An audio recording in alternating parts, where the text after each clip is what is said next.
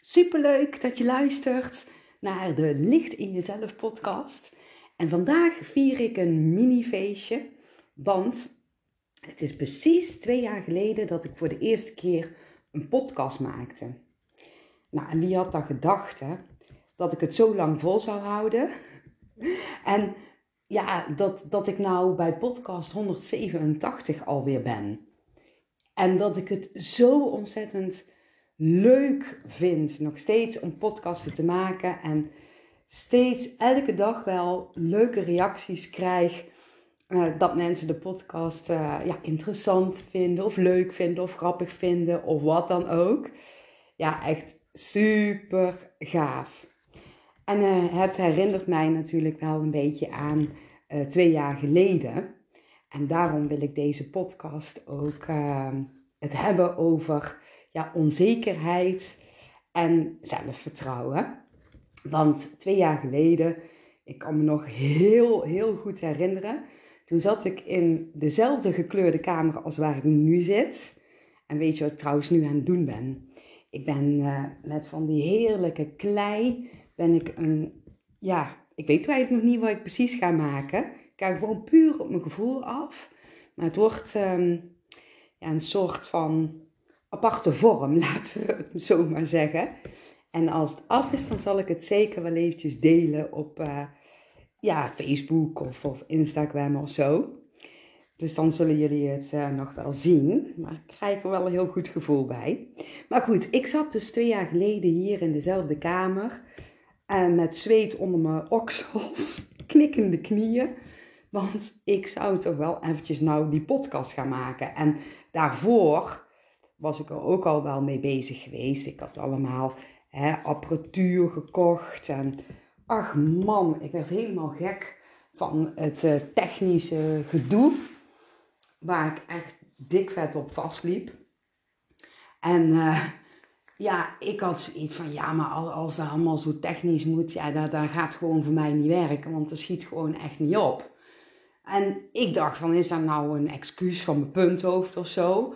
Want ja, ik voelde gewoon al zo lang, ik denk, nou, uh, misschien wel al, al anderhalf jaar voordat ik voor de eerste keer een podcast ging maken, voelde ik al van, ik wil dat doen.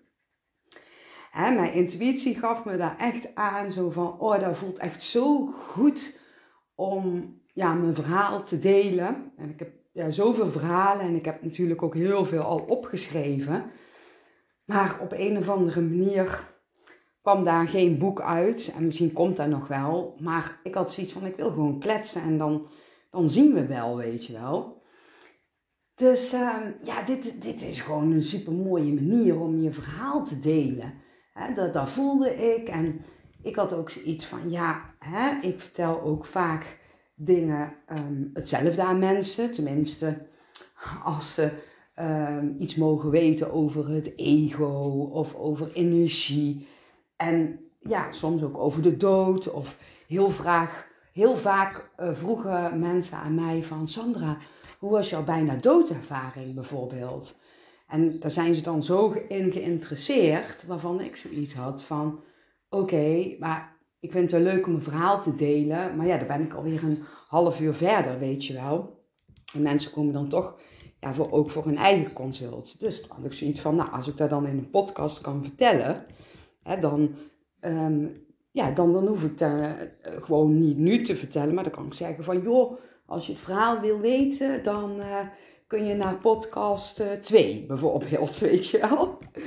Dus um, ja, ook daarom had ik zoiets van ja, maar dat is gewoon fijn, want dan hoef niet de hele tijd hetzelfde verhaal te vertellen. En misschien dat wellicht meer mensen er iets aan hebben of zo. Hè? Dat voelde ik ook wel. En als het dan niet zo was, dan was het niet zo. Maakte ook eigenlijk niet uit. Dus ja, intuïtief voelde het allemaal helemaal goed. Ah, maar dan heb je nog dat ego, hè? het punthoofd. En ik, ja, op een of andere manier, toen ik het gewoon voelde, er bewust van was van, nou, dat uh, lijkt me hartstikke leuk om daar iets mee te doen toen vond mijn ego het nog allemaal, hè, mijn punthoofd dus, nog allemaal hartstikke oké. Maar toen ik stapjes ging nemen om daadwerkelijk daar iets mee te doen, toen kwam er dus error van mijn punthoofd. nou, en uh, dat is natuurlijk wel heel erg lastig, want hè, dan ga je onzeker worden over je kunnen. Tenminste, ik in ieder geval wel. En ik denk dat dat voor veel mensen telt van als je iets nieuws uh, ja, begint of iets gaat doen wat je nog niet helemaal kent, dat je dan wel te maken krijgt met ja, een stuk onzekerheid. Nou, en uh, goed, oké, okay, zei mijn punthoofd, schaf maar even dure apparatuur aan en dan is het zeker goed, bladibladibla. En toen had ik dat dan dus gedaan. En toen lukte het allemaal niet. En toen zei mijn punthoofd, ja, misschien kun je het beter ook niet doen, want je bent helemaal niet technisch. En nou ja, allerlei excuses natuurlijk om ehm, het lekker uit te stellen en in ieder geval uh, niet door te gaan met podcast te maken.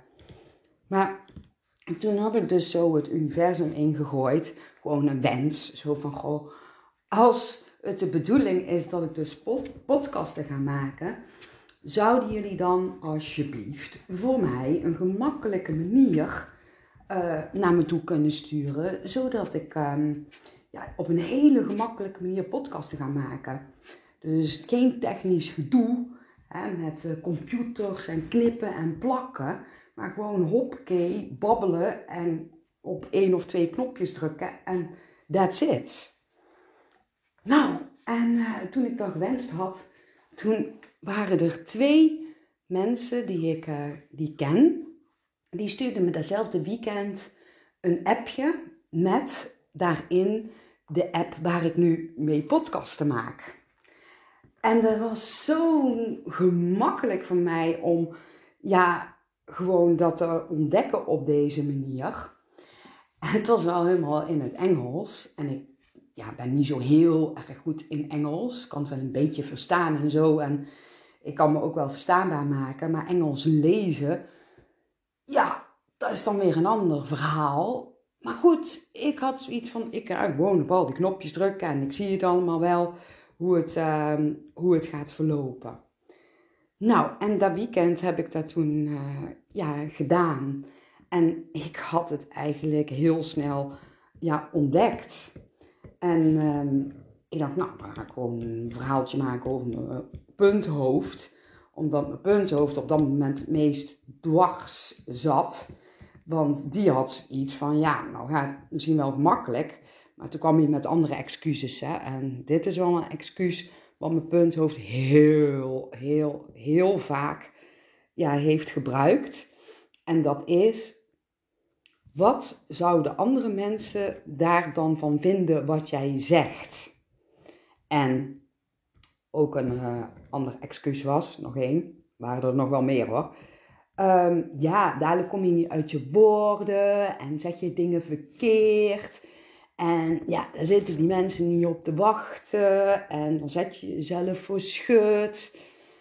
Nou, en um, ja, ik had zoiets van, ja, maar ja, dan kan ik natuurlijk nooit een podcast beginnen als ik daarna ga luisteren. Maar ja, ik, ik had op een gegeven moment had ik zoiets van, weet je wat ik doe? Ik doe het gewoon ja, voor mezelf, omdat ik dat gewoon leuk vind en ik zie het allemaal wel. En als er helemaal niemand naar gaat luisteren of ik krijg allemaal stomme reacties, ja, dan moet het eigenlijk ook niet uitmaken. Want zolang ik het leuk vind om het te doen en mijn verhaal te delen, al is het alleen maar voor mezelf, dan is het toch goed. Dus zo suste ik eigenlijk een beetje mijn punthoofd. nou, en uh, toen uh, ben ik gaan babbelen. Ik uh, heb mijn eerste podcast al heel lang niet meer teruggeluisterd, dus ik weet niet meer precies wat ik heb gezegd. Maar ik weet wel dat het over het punthoofd ging. En dat het punthoofd in mijn podcast dus elke keer ja, weer is teruggekomen. En dat dus blijkbaar heel veel mensen daardoor ook hun punthoofd hebben leren kennen. En dat was helemaal niet de bedoeling. Dat is gewoon zo ontstaan. En dat is super vet gaaf. Ja, dus ik ben zo dankbaar dat dat allemaal ja, zo is gebeurd. hey, en ik zit hier gewoon, ondertussen zit ik hier te kleien en ik heb een hele mooie, ja, mooie ronde vorming gemaakt. Ja, gewoon, dat gaat dan ook gewoon vanzelf, zonder dat je erbij nadenkt van, oh, hoe kunnen we dat het beste doen? Want mijn punthoofd die gaat natuurlijk meteen zeggen van, nou, dat gaat er niet uitzien en uh, dat gaat mislukken. maar ik heb zoiets van, nee, dit gaat helemaal goed komen. Ik weet helemaal niet hoe het precies verder ja, gaat worden, maar we zien het gewoon wel. Ik moet me wel eventjes nou uh, herinneren aan, uh, ja, toen ik nog heel klein was, want toen gebruikte ik ook dezelfde soort klei als waar ik nu mee klei. Van die hele zachte klei die gewoon uit de grond komt. En het herinnert mij um, ja, van, ja, ik ga even met mijn aandacht terug naar ons ouderlijk huis. En daar waren, ja, um, helemaal aan de voorkant had je weilanden en zo. En dat, daar uh, waren ze rioleringen aan het leggen en aan het graven. Nou, en uh, wij vonden dat natuurlijk super leuk om daar als kind uh, te spelen. En ja, ze graafden daar altijd heel diep. En ja, op een gegeven moment, toen liep ik daar zo en toen zag ik zeg maar een soort van kleiachtige substantie die uit de grond kwam. En dat was eigenlijk hetzelfde spul ongeveer waar ik nu mee klei. Dus ik heb dat toen ja, um, uit de grond gehaald en daar ben ik toen ook uh, dingen van gaan kleien. Hoe gaaf is dat, hè? Dat de natuur gewoon, ja, dit, dit gewoon geeft. Dat vind ik echt super, super vet. Maar goed, um, ja, ik wil het dus hebben over uh, ja, onzekerheid. En als ik dan weer terugdenk aan ja, dat kleine meisje in mij, die geloofde nog in al haar dromen en was helemaal blij met de klei uit de grond en maakte daar gewoon ja, hele mooie beeldjes uh, van. En was totaal niet bang wat anderen daarvan vonden of zo. Nee, ik was zo trots op dat wat ik had gemaakt, dat ik uh, gewoon bij mensen aan de deur ging en mij beeldjes liet zien en van daaruit die beeldjes ging verkopen. En daar kocht ik dan weer andere spulletjes van. Of klei, als de klei uh, er niet meer was bij ons voor. maar ook uh, ja, van die spateltjes of verf of wat dan ook. Dus bijzonder eigenlijk, hè? dat je als kind gewoon helemaal geen last hebt van ja, jouw punthoofd. Maar dat je als je ouder bent, dat je dan ineens ja, daar wel last van gaat krijgen. En dat mijn punthoofd net zei toen ik hiermee begon met mijn kleiwerkje. Van, nou, uh, jij weet helemaal niet van tevoren wat jij gaat maken. Dus het gaat vast en zeker, gaat daar helemaal niks worden. Dus ja, ga maar gewoon uh, iets anders doen, want dat schiet niet op. Dat is eigenlijk bizar, hè?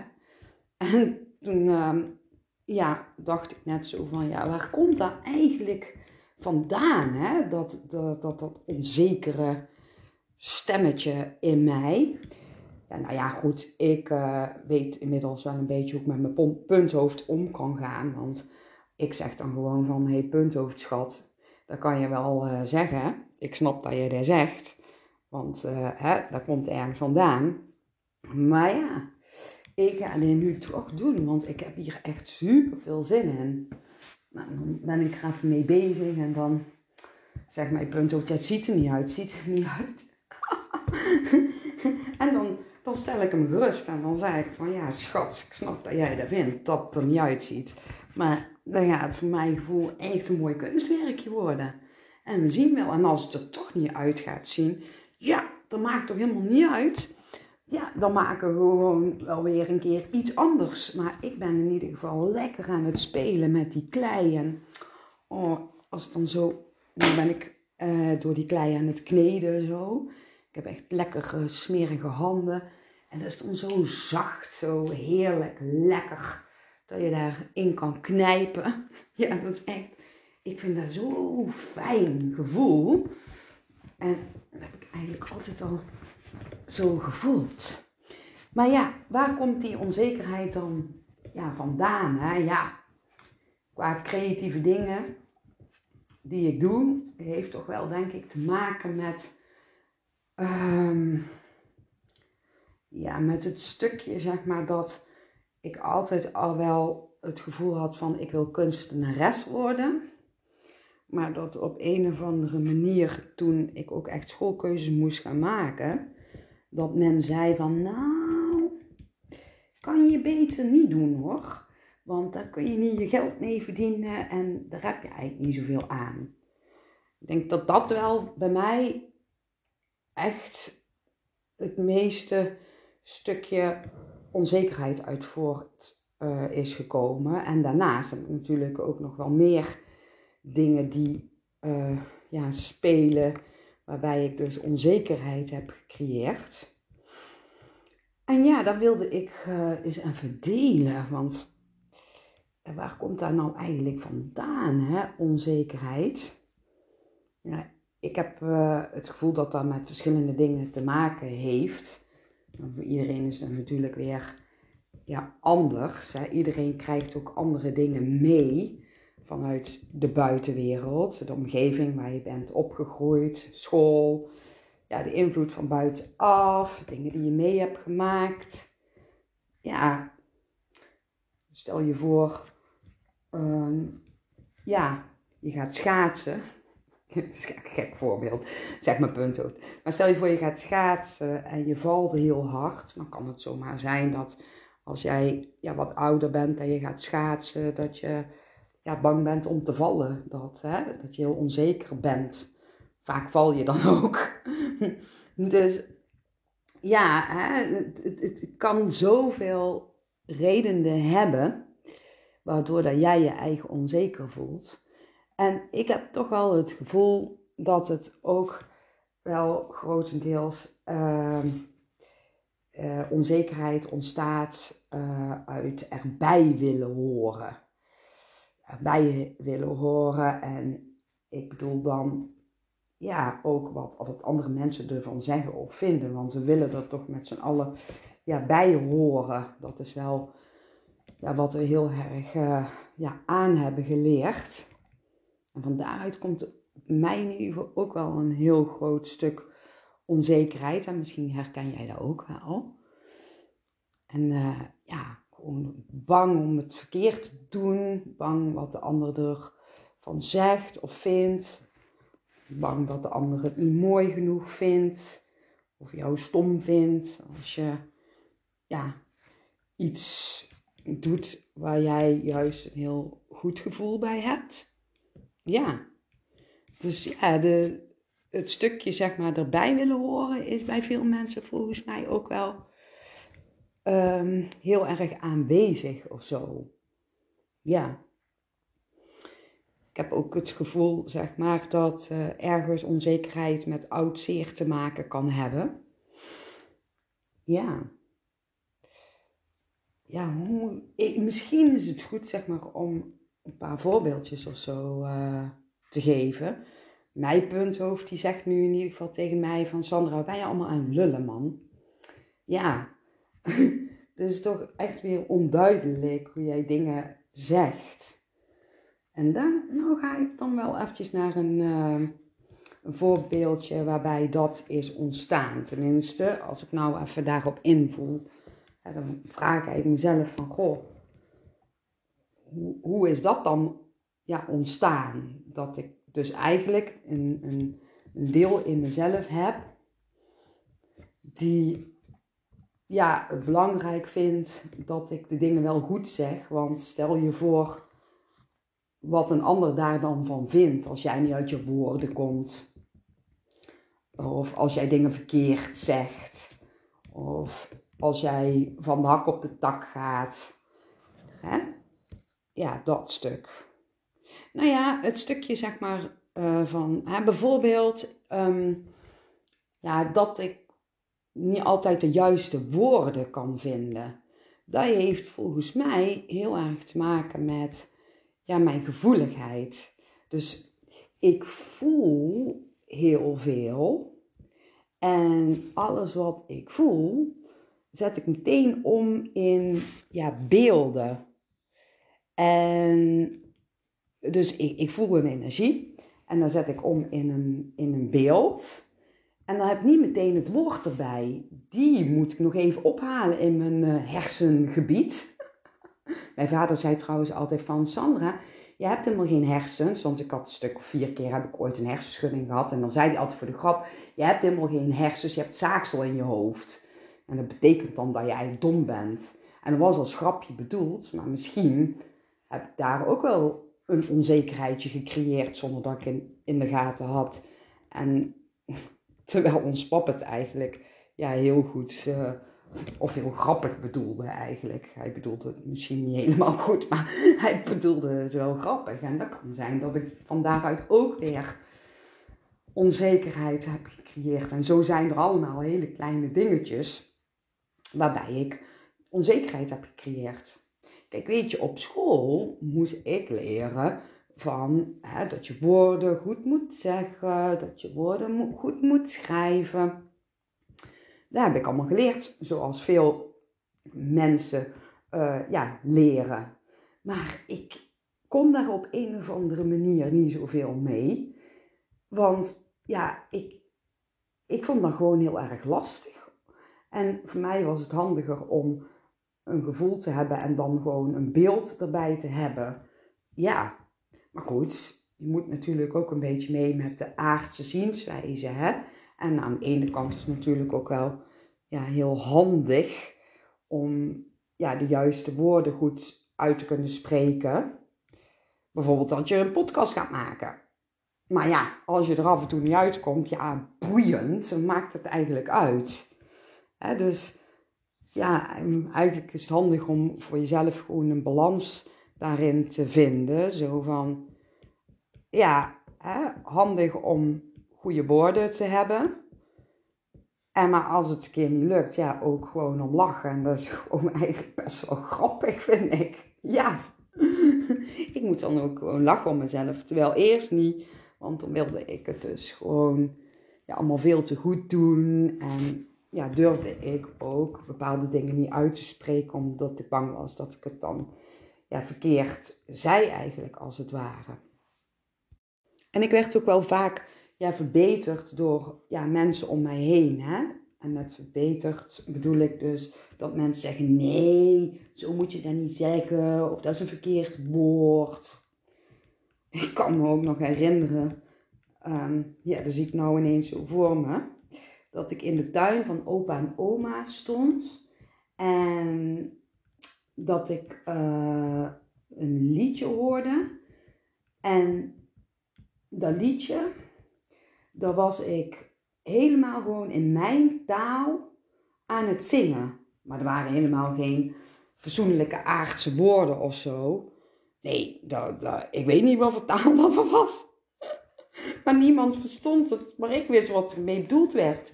Het was als het ware ja, een, een bepaalde energie. En ik probeerde dat dan met mijn stem klank te geven. Ja, en ik wist precies wat ermee bedoeld werd. Maar ik stond dus in de tuin van oma en daar was ook andere familie en die hoorden dat. En die, hadden, die zeiden zo tegen mij zo van, waar ben jij nou weer aan het zingen? En toen probeerde ik het uit te lachen, of, of um, uit te leggen en toen lachten ze mij dus keihard uit. Ja, en dat vond ik zo erg. En ik voel het nou nog als ik daar aan terugdenk ja, ik snapte gewoon niet dat hun dat niet begrepen of zo. Dat hun dat niet konden voelen. Terwijl, ja, voor mij was het gewoon heel fijn en, heel duidelijk. Ik weet helemaal niet meer waar het allemaal precies over ging hoor. Maar ik had dat wel vaker. En ik deed dat ook wel vaker. Maar eigenlijk altijd lachten mensen mij uit. En probeerden mij dan ja, te verbeteren. En dat vond ik wel best... Uh, ja, lastig. En van daaruit heb ik denk ik ook wel een soort van onzekerheid uh, gecreëerd. Ja, als ik dan zo eventjes terugdenk. Ja, op school helemaal. Hè. Oh man, man, man. Moest je dicté doen. dicté. Daar was ik echt zo slecht in. Ik had bijna altijd een 1. Ja, volgens mij vond de juffrouw of leraar een beetje zielig, zeg maar, voor mij. En die gaf me dan toch een 1 in plaats van een 0. ja, oh, maar ja, dat was echt, ik vond dat wel echt heftig. Want ja, ik had, kreeg ook nooit een sticker of zo, hè. Nooit. Nee, nee, nee, nee, nee, nee. Want um, ja, die kinderen die dan wel heel goed konden leren, die kregen allemaal een stickertje. En ik kreeg eigenlijk nooit een sticker. Ik denk dat ik misschien één keer een sticker had gekregen, omdat ik een 6 had gehaald. Maar ik had afgekeken bij iemand anders. Ja, maar goed, toen had ik dus één sticker en daar was ik helemaal blij mee. Ja, maar het slaat dus eigenlijk helemaal nergens op, hè. En ik weet niet of dat ze nog steeds op scholen met stickers werken. Maar ja, dus eigenlijk is dat niet, niet zo handig. Maar ik heb gewoon andere kwaliteiten, zeg ik dan altijd maar, als ja, schrijven en, en taal. En een ander is weer wel heel erg goed in schrijven en taal. En dat is natuurlijk ook helemaal ja, prima, want iedereen heeft natuurlijk ook een andere zielsplanning. Hè? En daarom is de een goed in taal en de ander is weer heel creatief of goed in beelden maken bijvoorbeeld. Hè? Ja, en wat ik ook even als voorbeeld ga pakken is van, ja, soms heb je kinderen, of dat heb je niet soms, dat heb je heel vaak, die een hele sterke wil hebben. En uh, die dan heel erg uh, hun eigen mening uh, ja, zeggen, omdat ze heel duidelijk voelen wat goed voor hun voelt en wat niet goed voor hun voelt. Dus eigenlijk is het heel mooi dat ze dat zeggen.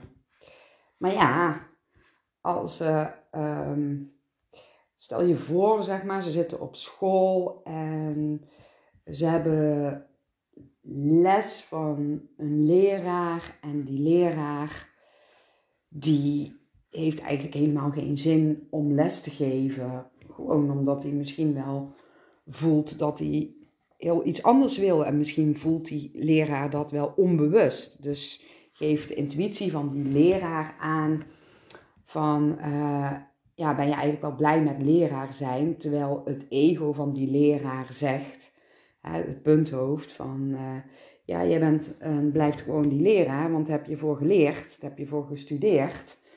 En ja, dat is wat je te doen hebt. Misschien moest die leraar wel van zijn ouders of iemand anders um, ja, die studie volgen. Omdat diegene, die ander dus dacht van nou, als jij um, leraar gaat worden, dan, uh, dan komt het goed met jou. Het zou zomaar kunnen hè? dat dat dan gebeurt, waardoor dat die leraar denkt met zijn punthoofd van ja, ik moet uh, leraar blijven. Stel je voor, je hebt kinderen in de klas of even één kind en die heeft een hele sterke wil. En die voelt aan die leraar eigenlijk, of ja, die voelt energetisch dat die leraar eigenlijk helemaal niet op zijn plekje zit. En dat kind gaat dan iets zeggen. Bijvoorbeeld, uh, vind jij het wel leuk uh, om leraar te zijn? Want um, ja, uh, dat het kind bijvoorbeeld iets, iets zegt. Ja, moet ik even een voor, ander voorbeeld geven. Nou ja, eigenlijk kinderen die zeggen misschien niet zo direct van wil je wel leraar zijn. Maar ze voelen het wel en van daaruit, vanuit dat gevoel, spiegelen ze bepaald, een bepaald gedrag. Um, wat eigenlijk dan die leraar uitstraalt. Dus stel je voor, de leraar straalt uit dat hij eigenlijk niet de leraar wil zijn. En ja, is daardoor misschien chagrijnig, terwijl hij daar zelf niet in de gaten heeft. Dan zou um, zo'n kind, die daar heel gevoelig voor is, um, heel vervelend gedrag kunnen vertonen in zo'n klas. Dat zou zomaar eens kunnen. En dan gaat die leraar daar natuurlijk iets van zeggen. En zo'n kind gaat daar dan ook weer vol tegen in. En ja, zo wordt het natuurlijk niet gezellig. dus dat, dat, is heel erg lastig. En stel je voor dat zo'n leraar dan zegt, dat is bij mijn zoon gebeurd, van met jou uh, wordt, komt het nooit goed en er komt nooit iets van jou terecht. Dan gaat zo'n kind een uh, onzekerheid creëren. Ja, en ik denk dat ehm, het kind eigenlijk, en als er meerdere kinderen in de klas zijn met zo'n sterke wil en zo'n leraar ehm, ja, wordt niet goed van die kinderen, dan gaat die leraar misschien ook wel heel onzeker worden over zijn kunnen, waardoor je eigenlijk een beetje in zo'n visieuze cirkel terechtkomt. Dus dat is uh, zowel voor het kind als de leraar dan natuurlijk best wel heftig. En dat gaat dan net zo lang door, totdat uh, ja, het duidelijk gaat worden voor die leraar. en misschien wordt het al helemaal nooit duidelijk voor die leraar. Dat ligt er net aan hoe bewust dat hij is. En voor het kind geldt hetzelfde. Het gaat net zo lang door totdat het kind ja, uh, meer in, het kracht, in zijn of haar kracht gaat staan en gaat doen wat hij uh, werkelijk wil doen. Daar zei ik eigenlijk even misschien een beetje verkeerd, maar misschien moet ik even het anders zeggen. Nou ja, ik denk dat ik het al goed zeg, maar ik voel dat, uh, ja, dat stel je voor als een kind dus zo onzeker wordt door wat zo'n leerkracht dan zegt, dan is het dus nodig dat het kind in zijn of haar eigen kracht gaat komen en echt dingen gaat doen die die juist heel sterk voelt. Ik denk dat dat wel voor ieder kind en ieder mens geldt. Om dat te doen wat je het allerleukste vindt om te doen. Om je juist te richten op je, op je kwaliteiten. En hoe mooi is het als je daarin wordt gestimuleerd. En hoe mooi is het als je een leerkracht hebt bijvoorbeeld die ehm, ja, echt zin heeft om leerkracht te zijn. Want die kan dat natuurlijk ook dan weer heel goed overbrengen aan het kind. Maar ja, goed. Soms is dat gewoon niet. En dan hebben beide partijen daar wel weer iets van te leren. Nou ja, ik ben zo vaak in mijn leven onzeker geweest. Maar daardoor heb ik wel, ja, dingen overwonnen. En heb ik uiteindelijk geleerd hoe je wat zelfverzekerd ja, kunt worden. Dus dat is dan wel weer een voordeel. Ja, vind ik dan, hè? Kinderen voelen haarfijn aan, dieren trouwens ook, als je onzeker bent. En trouwens, mensen, hè, gewoon volwassen mensen, kunnen ook aanvoelen als iemand onzeker is. Alleen de een voelt dat onbewust en de ander voelt dat bewust. Maar ja, je reageert altijd daarop. Dus als iemand heel onzeker is en jij voelt al onbewust, dan automatisch reageer jij op die energie. Dat is echt bizar hoe dat werkt. En zie je heel duidelijk met uh, ouders en kinderen. Stel je voor, je hebt een uh, hele onzekere ouder, die onzeker is over bijvoorbeeld bepaalde opvoeding. Uh, ja, dat die ouder bang is om het wel ja, goed te doen, zeg maar, voor het kind. Dat, dat zie je ook heel vaak. Uh, niet weten, ja, hoe je best met je kind om kan gaan. Er zit ook natuurlijk geen gebruiksaanwijzing bij, hè? Of bij jullie kinderen wel, als je kinderen hebt. Dat is handig. Laat me dan even weten waar je dat kan, waar je dat kan vinden. Maar ja, weet je, ik ben zo vaak ook onzeker geweest over, doe ik het wel goed als moeder zijnde? Ja, echt. En uh, vooral als je dan je eerste kindje hebt, dat is, vond ik echt heel erg heftig. Want uh, ja, ik geloof dat je als uh, ouder zijnde heel goed aanvoelt wat je kind nodig heeft. Maar ja, ik ben in eerste instantie gaan luisteren ja, wat anderen mij adviseerden. Ik had namelijk kinderen die best wel veel huilden, laten we het zo maar zeggen. Die zou ook kunnen spreken over huilbaby's. En ja, dat was echt gewoon uh, een ramp. Echt een ramp. Het was super heftig. Misschien dat ik daar nog wel een keer een podcast van ga maken. Speciaal huilbaby's. Maar ja, ik was dus zelf in die tijd gewoon echt super onzeker over ja, van alles en nog wat. Niet alleen over de opvoeding van de kinderen, maar ook gewoon over heel mijn leven. En ik heb het gevoel dat uh, mijn kinderen dat heel sterk ehm, hebben gevoeld en dat ze daarom zo onrustig waren. En natuurlijk speelden er dan misschien nog wel meer dingen mee, maar omdat de kinder, kinderkindjes zoveel huilen, huilden. Ehm, en, en ik eigenlijk ja, niet wist waar het aan lag. En maar alles uh, aan het uitproberen was wat anderen dan ja, tegen mij zeiden wat het beste was, werd ik nog meer onzeker en begon die kinderen gewoon nog meer te huilen. Ja, het is echt gewoon bizarre tijd. Echt een bizarre tijd als ik daaraan terugdenk. Ook ja, heel heftig hoor, want je komt gewoon helemaal niet tot, tot je rust. En ik bleef maar doorgaan, want ja, ik mocht natuurlijk niet het allemaal fout doen, hè. Want wat vinden andere mensen daar dan van? ik kan niet eens ehm, ja, mijn kinderen opvoeden of zo, weet je wel. Zijn mijn punthoofd. Uh, ja, waar ben je allemaal mee bezig? Ja, bizar. Bizar. Heel uh, ja, heftig als ik zo daaraan uh, aan terugdenk. Maar ja, weet je, het had gewoon puur te maken met dat ik aan het afwijken was van mezelf. En ja, dat ik dus helemaal niet meer kon voelen van wat heb ik nodig, wat is goed voor mij. En uh,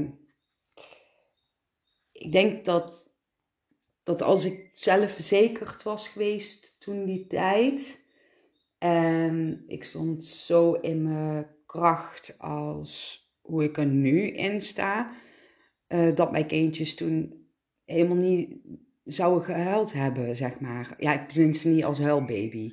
Dus dat ze niet zoveel zouden huilen. Dat denk ik echt.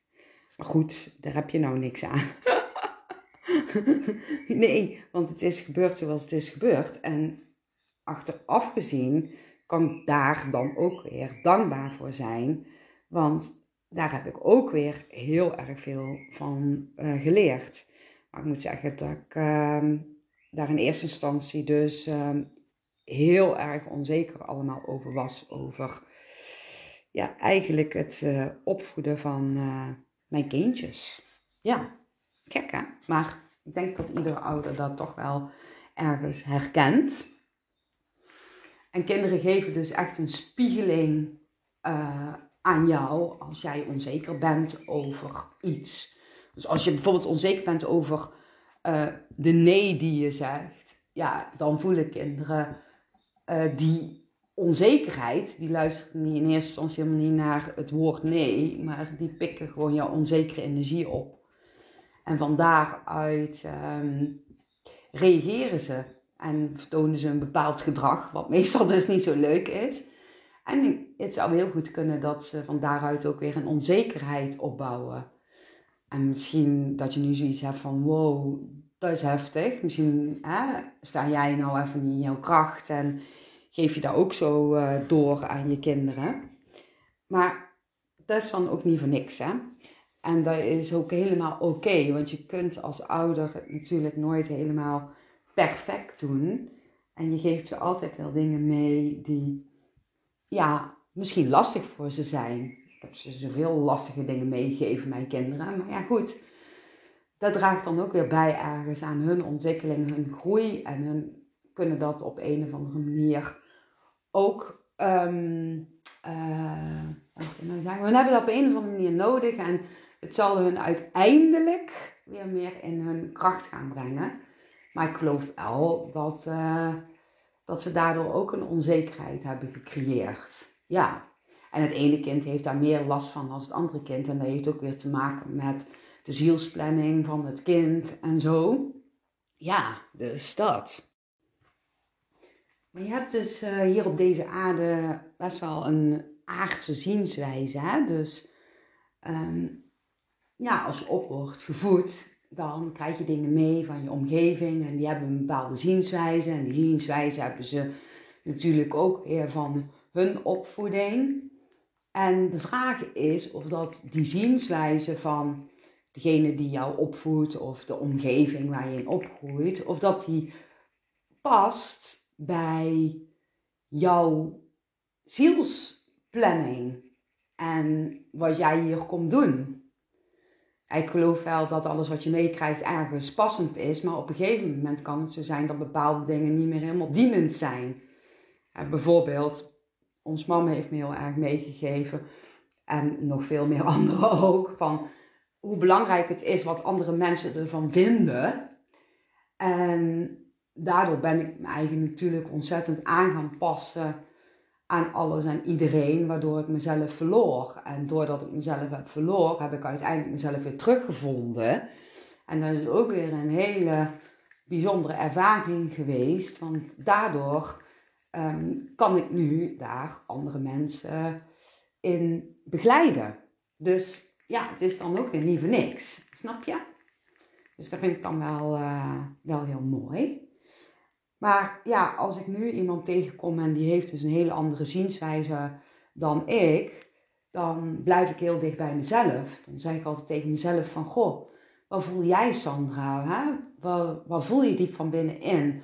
Voelt dat dat, voor jou klopt? Resoneert dat met, jou, uh, met jouw gevoel? Of niet?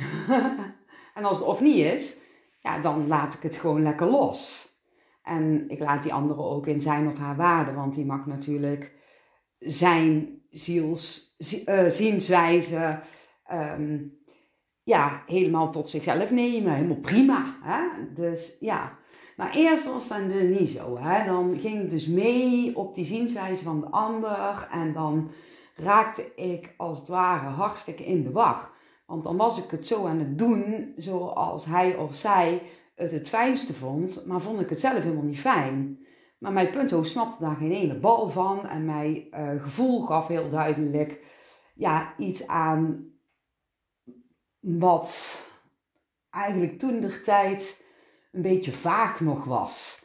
Dus het was een gevoel van, nee, dit voelt niet goed, maar waarom of hoe of hoe het zat, snapte ik helemaal geen bal van, waardoor ik dus toch mijn punthoofd ging volgen en dus meeging in uh, ja, de zienswijze van de ander.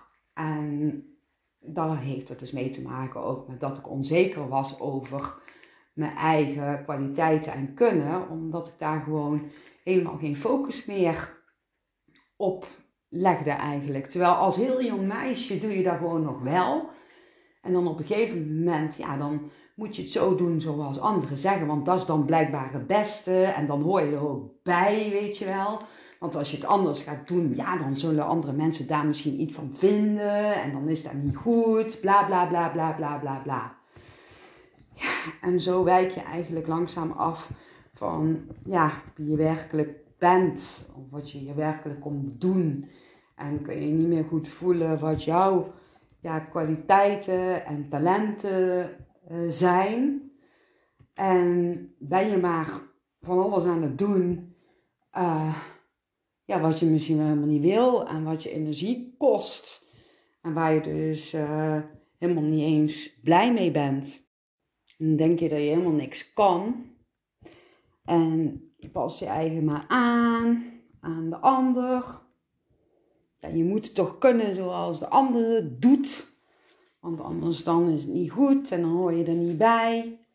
Ja, en je verliest uh, ja, gewoon je, je eigen uniekheid. En hè, dat, voelt gewoon helemaal niet goed. Je, ja, ik ben daar zelfs dus uh, hartstikke ziek uh, door geworden. En een ander uh, kan op een gegeven moment ook bepaalde tegenslagen krijgen. Waardoor dat je zeg maar, op een gegeven moment toch iets mag gaan veranderen. En dan kom je bij ja, uit het cirkeltje stappen uit. En dat vindt je punthoofd helemaal lastig. Want die heeft zoiets van, ja, hé, hey, maar dat kun je niet maken. Want hè, uh, als jij het anders gaat doen of er komt verandering, ja, dan vind je punthoofd, die vindt dat gewoon doodeng. De meeste mensen zijn gewoon super bang voor uh, ja, verandering, omdat ze niet weten, zeg maar, wat de toekomst ja, brengt eigenlijk. Hè? Dus je, weet niet wat er in het vooruit gaat gebeuren. En het punthoofd blijft lekker het liefste zitten in uh, gewoon ja, hetzelfde cirkeltje. Terwijl dezelfde cirkeltje gewoon absoluut helemaal niet meer goed voelt. Daar heb ik laatst ook een podcast over gemaakt. Hè? Een paar podcasten terug. Ik weet eigenlijk even niet welk nummertje dat er is. Maar dan kun je eventjes kijken. Um, ja, dus het is uh, ja, super belangrijk dat je ja, focus gaat leggen. Ja, dan op jezelf. Op ja, wat wil jij? Waar word jij blij van? En wat voor een ander telt, telt, hoeft dus niet voor jou te tellen. Dus het is echt super belangrijk dat je ja, meer contact gaat maken met jezelf, met jouw gevoel. En hoe doe je dat? Ja, dat is. Uh, dat kun je natuurlijk op verschillende manieren doen. Door gewoon in kleine stapjes, bijvoorbeeld, hoeven niet meteen grote stappen te zijn. Gewoon te voelen van hé, hey, wat vind jij het leukste, waar word je het meest blij van? En, en dat gaan doen. Maar dan gaat je punthoofd, die gaat dan wel extra error geven. Hè? Want als je bijvoorbeeld intuïtief iets voelt van, oh, dit zou ik zo graag willen, dan gaat je punthoofd zeggen van, ja, nou, nee, stel nog maar even uit, want bla bla bla. Of hij zegt niet eens, stel nog maar even uit. Nee, hij geeft gewoon hele goede, geraffineerde excuses, zeg maar, om het uit te stellen. Ja. Oh, dat is niet alleen mijn punthoofd, maar uh, heel veel, uh, bij heel veel mensen gebeurt dat zo. Uh, dus stel je voor, uh, ja, jij wil uh, ja, bijvoorbeeld je eigen bedrijf opstarten lijkt je echt super gaaf. Dan gaat je punthoofd zeggen van uh, ja, maar dat, dat kan jij niet. Of ga eerst nog maar eens eventjes toch dit doen, want je verdient niet genoeg je geld. Geld is trouwens ook een, um, een ding uh, waar veel mensen ja, onzeker over zijn. Hè?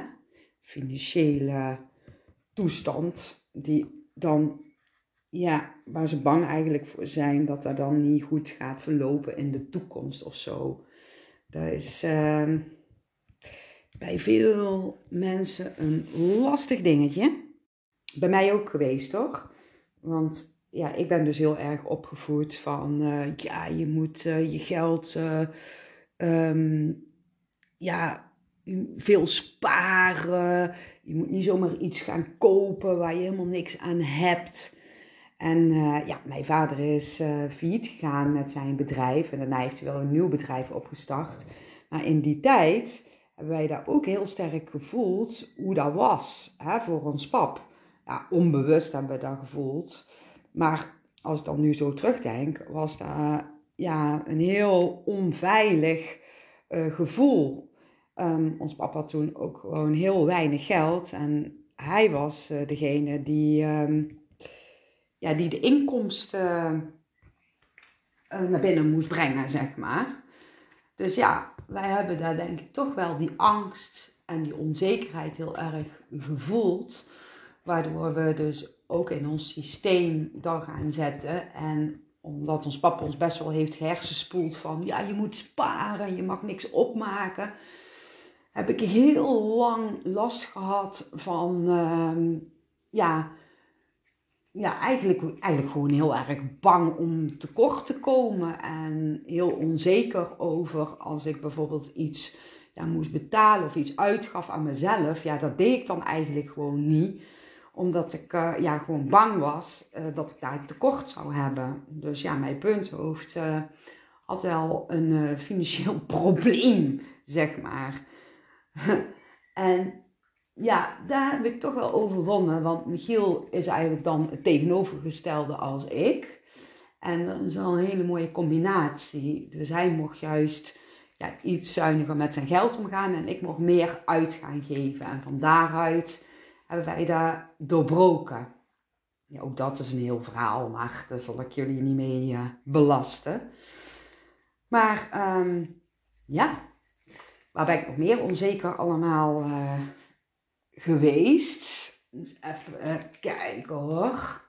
Nou, zo op, zoveel momenten hoor. Maar ik ben eventjes zo voorbeeldjes aan het zoeken in mijn uh, hersenarchief. Hersenenarchief. Hoe, noem, hoe zou je zoiets noemen? Dus even kijken hoor. Ja, ik herinner me iets. Nou, dan uh, ga ik even weer helemaal terug in de tijd. ja, toen uh, was ik een, uh, een beginnend tiener. En ja, ik was toch wel heel onzeker over mijn uiterlijk. Zoals denk ik wel vrijwel iedere tiener onzeker kan zijn over zijn of haar uiterlijk. Volgens mij best wel ja, normaal is.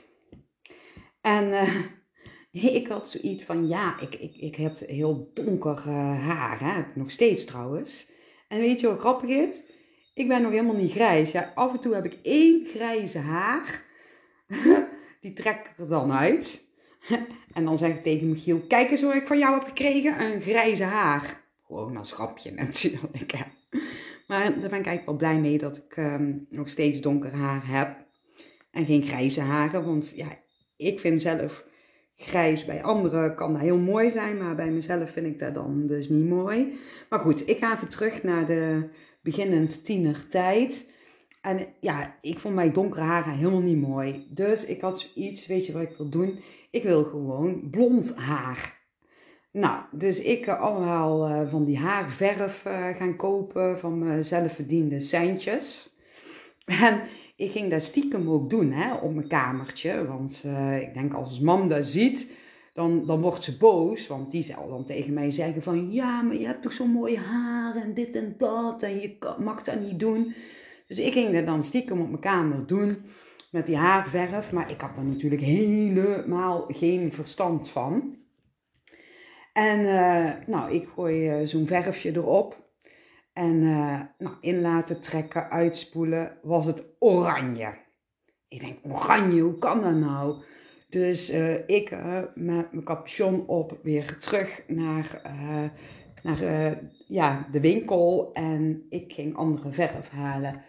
En ik ging, ja, ik weet niet, nog een beetje hardnekkigere verf halen. Um, om haren blond te krijgen. En ik weer naar huis toe, hoppakee, uh, die verfjes uh, mengen. En uh, ik op mijn haren intrekken. Moet je natuurlijk weer ook geduld hebben. Ik denk, nou, ik zal het dan toch maar extra lang in laten trekken. En wat denk je? Ik zwoel mijn haren uit en de kleur werd groen. Van dat mosgroen. En ik janken, jongen, voor de spiegel. Ik denk, oh, wat vinden andere mensen daarvan? En ja, jongen, ik was echt helemaal um, verdrietig. Dus ik heb weer, ik had nog net genoeg centjes, naar um, ja, de drogisterij weer nieuwe verf gehaald, maar gewoon zwart. Ja, mijn eigen kleur zo ongeveer. En toen heb ik dat erop gedaan en godzijdank werd het weer zwart.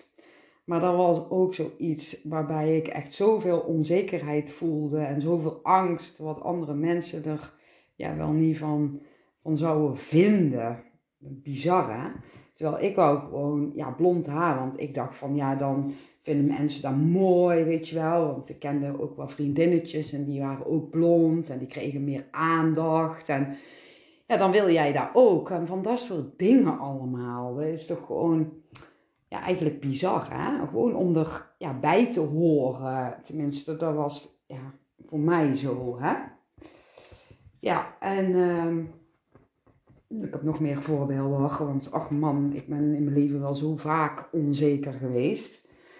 Um, ja, onzeker uh, over bijvoorbeeld de school. Hè? Daar heb ik net ook al een stukje over gezegd. Ik kon gewoon echt niet, op een gegeven moment kon ik gewoon echt niet meer met school meekomen, had het natuurlijk wel andere redenen. Want uh, ja, was nogal heftig bij ons thuis, omdat ons man natuurlijk ziek uh, werd.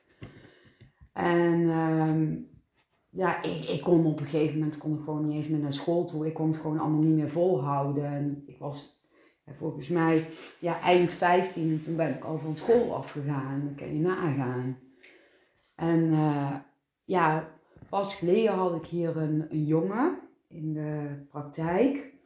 Hele leuke jongen. Oh, ik moet trouwens nog iets vertellen. Want ik heb toch een droom gehad, weet je wel. Die, die ene droom waarbij ik um, de mannelijke bevalling uh, mocht begeleiden. En die man die is hier geweest in de praktijk ook. Dat was even niet de jongen waar ik het nou net over wilde hebben. Maar ja, dat was heel grappig. Ik was, ik wil dat verhaal toch, toch eerst even vertellen. Ja, ik was dus uh, een zielspolletje aan het tekenen voor die man. En ik, bij binnenkomst dacht ik al van, ik herken hem ergens van of zo, hè. Maar hij was nog nooit eerder hier geweest. Ik denk, raar, raar dat ik die gewoon, ja, voor mijn gevoel ergens ken, maar dat hij hier toch niet is geweest. Nou ja, goed. Ik uh, herinnerde dus niet meteen die droom. Ik ga uh, tekenen en um, nou ja, om een lang verhaal kort te maken, op een gegeven moment tekende ik dus een embryo in zijn zielsbolletje. En ik dacht van, hè, maar hij heeft eenmaal geen kinderwens volgens mij nu op dit moment. Dus waarom teken ik dit nu? En um, ik had ook zoiets van, um, ja, hij heeft ook op dit moment niet echt een, een, een partner. Tenminste, een ja, vaste partner waar hij nou kinderen mee wil. Dus ik denk, waarom, waarom voel ik dit nu? En toen ineens gingen we eigenlijk naar de symbolische betekenis van de embryo. En toen herinnerde ik dus mijn droom. En het grappige was dat ik hem net had verteld over ja, zijn zielsplanning, zeg maar. Hoe mooi dat die is en wat voor moois. Ja, ja, ik heb niet natuurlijk een toekomst voorspeld, maar ik voelde wel heel duidelijk een heel mooi um, ja, gevoel. Wat hem nog heel veel succes in zijn leven gaat brengen. En dan geen, niet eens ego-succes, maar gewoon um, ja, zielsucces noem ik het maar eventjes. Dus dat hij nog heel veel moois in deze wereld neer gaat zetten. Uh, voor zichzelf, om zichzelf te kunnen ontwikkelen, maar ook voor ja, de mensheid. Zo um, voelde het heel erg sterk. En ja, dat herinnerde mij dus aan die droom. En ineens zeg ik van, ja, ik heb over jou gedroomd. Ik heb daar nog een podcast over gemaakt. Echt bizar. En het was ook een, ja, een man die uh, ja, dezelfde kleur haar had. Een hele knappe man ook. Vond ik in ieder geval een hele knappe man. Een beetje, uh, ja, uh, lijkt een beetje, vind ik, ergens ook... Um, ja, iets buitenlands in zich. Maar ja, ik ga er verder niet te veel over vertellen, want het is natuurlijk ook weer ja, persoonlijk. En um, ja, ik heb gevraagd of dat hij een keertje een podcast met mij uh, wil opnemen. En toen zei hij van, ja, we hadden net zo goed dit gesprek op kunnen nemen wat we nu al op hebben genomen en daar een pod podcast van kunnen maken. Ik zeg, ja, dat is waar, maar dat is wel natuurlijk heel erg persoonlijk. Maar echt uh, zo mooi uh, ja, dat ik hem dus heb ontmoet. En dat ik ineens heel die droom weer herinnerde. En dat alle puzzelstukjes tijdens het zielspolletje gewoon helemaal in elkaar vielen. Dat vond ik wel weer echt super vet gaaf. Dus uh, ik had beloofd om dat te delen hè, bij deze. Um, en misschien gaan we nog een keertje podcast maken. Dus dan, dan horen jullie het nog wel. Maar goed, ik uh, wilde dus gaan vertellen over een andere jongen die bij mij in de praktijk kwam. En een stuk jonger was die. En um, ja, die uh, had net uh, zijn diploma's behaald. En hij wist het niet meer. Hij wist niet wat hij moest, moest doen. Hij was zo onzeker, want ja, hij had natuurlijk heel veel focus gelegd op ja, het papiertje behalen. En um, ja, nu die dat papiertje had, eh, kon hij heel veel kiezen wat hij uiteindelijk dus zou gaan doen. Of bijvoorbeeld doorgaan met studeren, of uh, op reis gaan, of een baan nemen. Nou, hij was zo onzeker, want hij wilde het zo goed doen. En hij had ook heel erg meegekregen van ja, hè, je moet wel weten wat je gaat doen. Want als je niet weet wat je gaat doen, ja, dan uh, klopt er iets niet. Hè? Dan gaat het dadelijk niet goed. Dus ja, hij uh, zat er echt mee en zijn punthoofd had 100 miljoen vragen van wat moet ik doen, wat moet ik doen, wat moet ik doen. Uh, eigenlijk het beste wat hij kon doen was gewoon meer in het nu zijn, in het moment zijn en voelen wat het beste voelt en dat gewoon gaan doen. En ja, hij mocht dus eigenlijk loslaten um, zijn punthoofdgedachte dat dat wat hij zou kiezen, dat dat dan misschien wel eens verkeerd zou uh, uitpakken. Ah, dat is natuurlijk uh, gemakkelijker gezegd als, uh, als gedaan. Maar ik heb hem wat dingetjes ja, meegegeven die hij kan toepassen in zijn dagelijkse leven om um, ja, meer in het moment te zijn en meer te kunnen gaan ja, voelen. Waar heb jij zin in? En wat wil jij nu? En dat je gewoon hem uitgelegd dat je helemaal niet bang hoeft te zijn om een verkeerde keuze te maken. Want er is helemaal geen verkeerde keuze. De, de, de keuze die je maakt kan misschien achteraf gezien ja, wat minder lijken te zijn. Maar uiteindelijk, als je dat kiest, heb je dat toch ergens voor nodig. Dan hoort dat gewoon bij jouw zielsplanning. En dan mag je daarvan leren, mag je daarvan ontwikkelen. En, en zo, heel vaak, niet soms, maar heel vaak komen ook mensen hier eh, die dan ehm, ja, niet weten of dat ze de goede baan hebben. Of goede studie kan natuurlijk ook. En um, ja, dan, dan is het gewoon echt aan jou om te kijken van oké, kun je iets veranderen in de studie of baan waardoor het toch ja, gemakkelijker voor je gaat? Heb je daar iets te leren? Dat kan ook. Hè?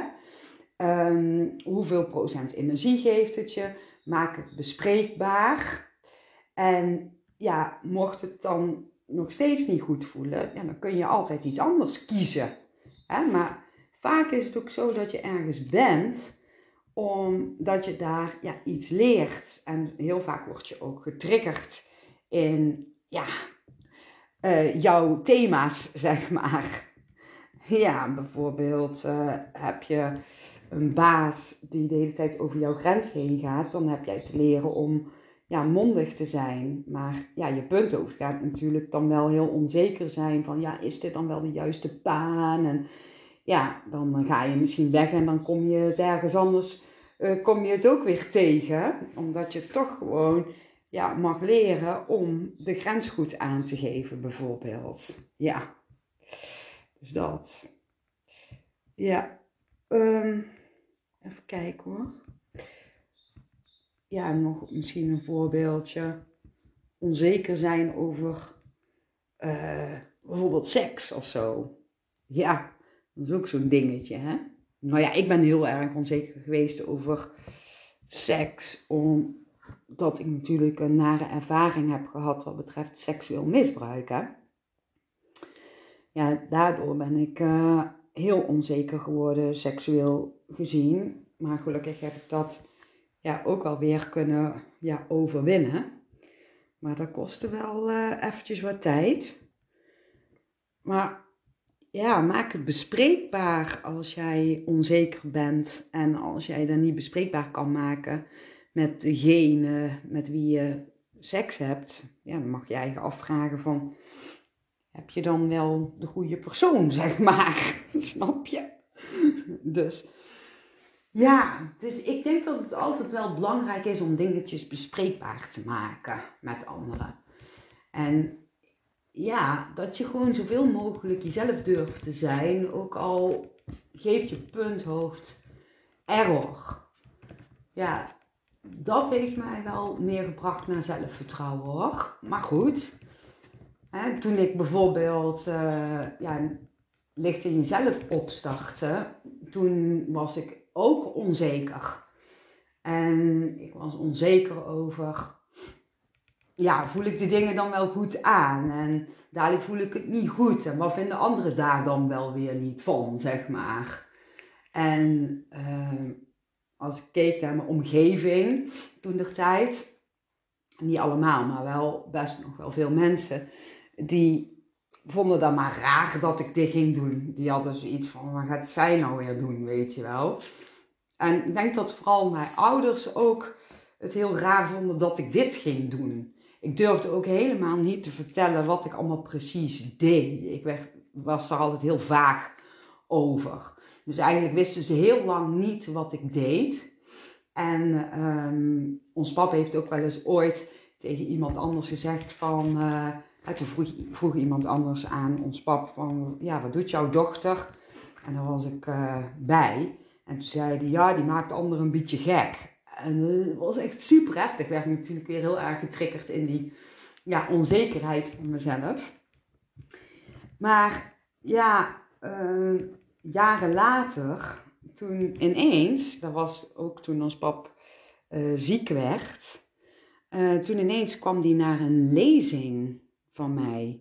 Ik gaf een lezing voor best wel een hele grote groep mensen.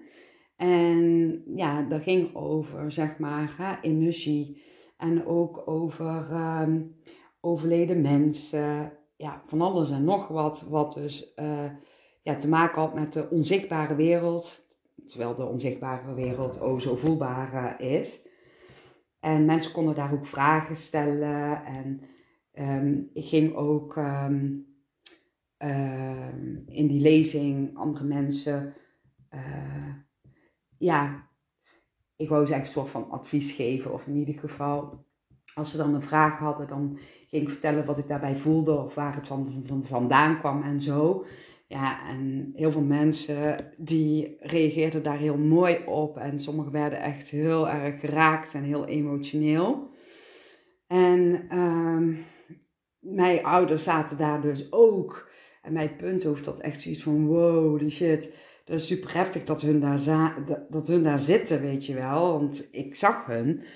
En ja, ik werd daar in eerste instantie onzeker van. Maar toen ineens, toen nam heel mijn intuïtie de boel over. En ik deed gewoon mijn ding. En ja, daarna zijn mijn ouders naar mij toegekomen. En die, zeggen, die zeiden van, ik wist helemaal niet dat je, dat je dit deed. En uh, ze vertelden hoe mooi dat ze het vonden. En ze spraken daarna nog andere mensen uh, ja, die over mij uh, praten, heel positief.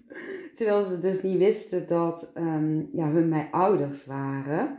Dus dat was wel een heel bijzonder moment waarbij mijn ja, zelfvertrouwen ook weer wat meer ja, groeide. En ja, toen in het begin, zeg maar, hè, kwamen er ook mensen op mijn pad die mij uh, ja, onbewust hielpen om hier doorheen te gaan. En met onbewust bedoel ik uh, dat er in eerste instantie dus ook mensen kwamen die mij, uh, ja, die iets van mij vonden of uh, die mij aan het uittesten waren. En die bijvoorbeeld zeiden van, hè, als ik iets voelde waar hun energetisch mee bezig waren, dat ze zeiden dat dat niet klopte. Ik had laatst trouwens ook hier iemand in de praktijk. Oh, ik moest zo lachen. Ik um, ja, voelde iets in van die persoon. En meteen voelde ik eigenlijk ook toen ik het. Maar dan, nee, ik voelde dat pas toen ik het uit had gesproken. Dus ik voelde, um, ik voelde iets. Ik kan even niet zeggen wat. Of kan ik dat wel zeggen? Even kijken hoor ik kan eigenlijk niet zeggen, want als diegene nu luistert, dan ja, ik, dat, is niet fijn. Maar in ieder geval, ik voelde iets en toen vloepte ik er even iets uit. Het was helemaal niet een, een vervelend, erg ding of zo. Maar diegene zei meteen van, nee, dat herken ik niet. En dat volgens mij ook met grenzen aangeven te maken of zo. En um, toen, toen, toen had ik echt zoiets van, oh shit, nu voel ik mijn punthoofd naar voren komen. Maar ik weet gewoon zeker, hè, voelde ik zo sterk, dat er wel iets was wat met die grens aangeven te maken had. Maar dat diegene dat niet durfde te vertellen, omdat er ook iemand anders bij zat, bij dat consult. En die ander mocht dat niet weten. Snap je? Dus dat was echt een hele rare situatie. Maar als die situatie dus uh, 20 jaar geleden of 15 jaar geleden zelfs nog uh, zich af had gespeeld, dan had mijn punthoofd echt doorgeslagen en tegen mij gezegd: Zie je wel, je kan er helemaal niet en hou er maar mee op, want uh, hè, je, bent helemaal niet goed in dat wat jij doet. En nu moest ik gewoon erom lachen. Maar ja, hoe vaker dat jij zeg maar iets doet, hoe meer dat jij zelfvertrouwen natuurlijk krijgt. Hè? Dus ja, oefening baart kunst, zeg ik altijd. Ik denk als ik nu een schoenenwinkel ga beginnen, dan zou mijn punthoofd in eerste instantie ook onzeker zijn of dat ik dat wel allemaal aan kan of dat ik wel de juiste schoenen uh, inkoop en weet ik allemaal veel. Dus ja, je punthoofd heeft altijd wel iets te zeggen als die iets nog niet kent. Dus het heeft met verandering te maken. Maar ja, als jij bijvoorbeeld al 20 jaar een schoenenwinkel hebt, ja, dan heb jij gewoon zelfvertrouwen gecreëerd. Want dan, dan heb je er op een gegeven moment heb je daar gewoon ja, verstand van. En um, ja, doordat ik bijvoorbeeld met Licht in Jezelf superveel bevestigingen heb gehad, krijg ik ook meer zelfvertrouwen. En waar ik ook achter ben gekomen dat als jij iets doet wat jij heel, heel, heel erg leuk vindt om te doen. En je doet dat ook echt voor jezelf, omdat je dat zo ontzettend leuk vindt. Daar groeit je zelfvertrouwen ook ontzettend van. Het is dus belangrijk dat je ja, de verbinding met jezelf maakt. Dus dat je goed gaat voelen van, ja, wat wil jij? Wat voelt goed voor jou om uh, te doen? Waar krijg jij energie van? Uh, ja. En als je dan gaat doen en je gaat dan gewoon een beetje mee spelen, zonder dat je meteen verwacht dat het allemaal perfect moet zijn. Dat is hetzelfde als dat jij bijvoorbeeld intuïtief voelt dat jij iets heel iets moois wil gaan doen en dat je meteen moet weten wat dat precies allemaal is, ja, daar word je heel onzeker van hè, met je punthoofd. Maar als je gewoon een beetje gaat spelen en je, gaat daar gewoon in hele kleine stapjes naartoe werken en je bent in het nu en je gaat af op daar waar jij het allermeeste energie van krijgt, dan op een gegeven moment wordt het vanzelf helder. Dan, dan ontstaat het gewoon. Ja, en dat is zo mooi. En doordat jij dus de verbinding met jezelf maakt, de verbinding, um, uh, door de verbinding maken kom je ook veel meer bij je eigen uniekheid uit. Wat je dus in eerste instantie allemaal af hebt geleerd. Um, hè? Dus je hebt afgeleerd om naar je eigen gevoel te luisteren, om naar je eigen unieke kwaliteit te gaan kijken. Dat heeft bijna iedereen afgeleerd. En dan moet je nu weer opnieuw aanleren en dat kost tijd. Maar ja, dat heb je wel en nu moet ik zeggen, ja, natuurlijk kan ik ook wel eens ooit onzeker zijn over nieuwe dingetjes. Want ja, ik heb dus, um, even kijken, vorige week heb ik ineens mijn hele jaarprogramma van Licht in Jezelf uh, geschreven. En ja, ik heb al bijna een groepje bij elkaar zelfs. Want um, ik, ik heb daar gewoon nog helemaal niet op, uh, hoe heet het, de website gezet. Of um, ik denk dat ik het ook, um, omdat ik al een groepje heb, bijna, is die compleet. Uh, en heel goed wil voelen of dat die personen die dan in het groepje zitten, of dat die wel echt passen bij ja, de training die ik ga geven. Uh, dat vind ik dan heel erg belangrijk heb ik het nog niet zeg maar in het openbare gezet. En ik ben nog steeds ook bezig met de puntjes op de i aan het zetten. Waardoor dus mijn punthoofd wel nog zegt van ja, maar dat kan veel beter. En dit is zo niet goed. En je moet het dan wel uh, goed schrijven. Terwijl heel mijn intuïtie eigenlijk aangeeft. Doe gewoon je ding. En dat komt vanzelf wel, want jij gaat je eigen ook afstemmen op de groep. En van daaruit voel jij wel um, ja, wat de bedoeling is. Oké, en zie daar maar eens eventjes op te vertrouwen. Hè? Dat is natuurlijk um, voor een punthoofd echt error. Maar ja, omdat ik dat wel vaker zo uh, mee heb gemaakt met trainingen die ik maak en zo. Ehm, ja, toen ik daarmee net mee begon bedoel ik dan. En was mijn punthoofd ook echt super onzeker. En dat kan jij niet en dit en dat. Maar door gewoon mezelf te zijn en het gewoon op mijn manier uh, te doen. En niet hoe anderen het allemaal doen. Komt het vanzelf goed. En als je dan hè, bijvoorbeeld uh, tien keer een training hebt gemaakt. En gedaan bedoel ik dan. Ja, dan um, krijg je ook zelfvertrouwen. Maar de eerste training is natuurlijk erg voor je punthoofd. Want die zegt en blijft gewoon nog eventjes zeggen van dat kan jij niet, dat lukt niet. En dat is nou ook met dat jaarprogramma. Dat is uh, wat mijn punthoofd dan ook zegt. Terwijl ik dan gewoon nou moet lachen, want ik weet gewoon hoe dat werkt. Nou, hè, dat is echt super fijn.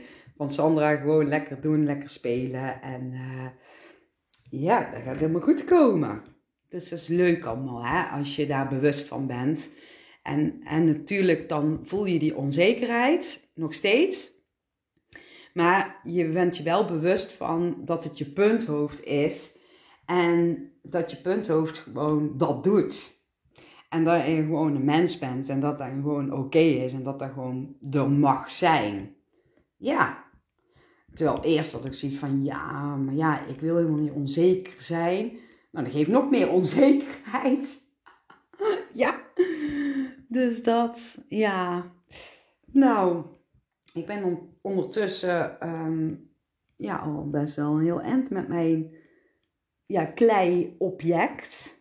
Dus een hele aparte vorm. Ik kan echt niet uitleggen hoe die vorm is.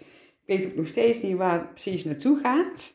Maar dat vind ik dan ook weer echt super leuk. Dat, dat ik dat niet weet. En dat er dan dadelijk iets, iets uit ontstaat. En ik voel er wel van alles van. Ja, ik krijg een heel vrij gevoel hiervan. Dat is wat ik voel. En misschien hoort het ook wel bij deze podcast. Hè? Dus doordat jij je onzekerheid iets losser kunt laten, voel je je eigen weer vrij in dat wat je wil en wat je hier komt doen hier op deze aardbol. Want ik geloof dat iedereen hier met een eigen uniek plan komt. En hoe gaaf is het als je daar ja, ook daadwerkelijk iets mee gaat doen. En daarom heb ik denk ik ook wel ja, deze podcast uh, gemaakt. En ik hoop dat jij daar natuurlijk ook jouw ding uit kunt halen. En ja, weet je wat het trouwens ook is?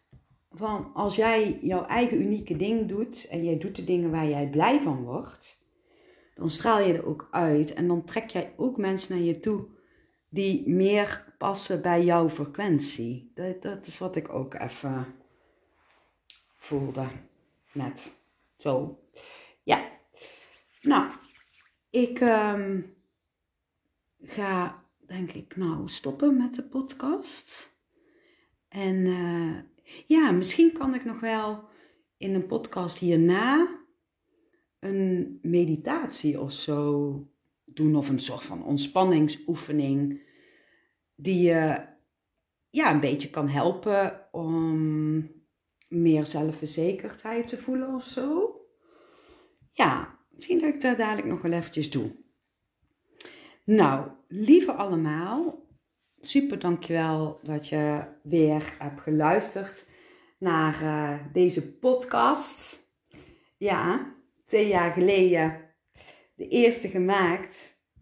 Dus ik vier nog heel eventjes het podcastfeestje vandaag. En um, ja, ik zou zeggen, doe waar je blij uh, van wordt. Heel veel liefs. En uh, heel graag tot de volgende keer. Doei doei!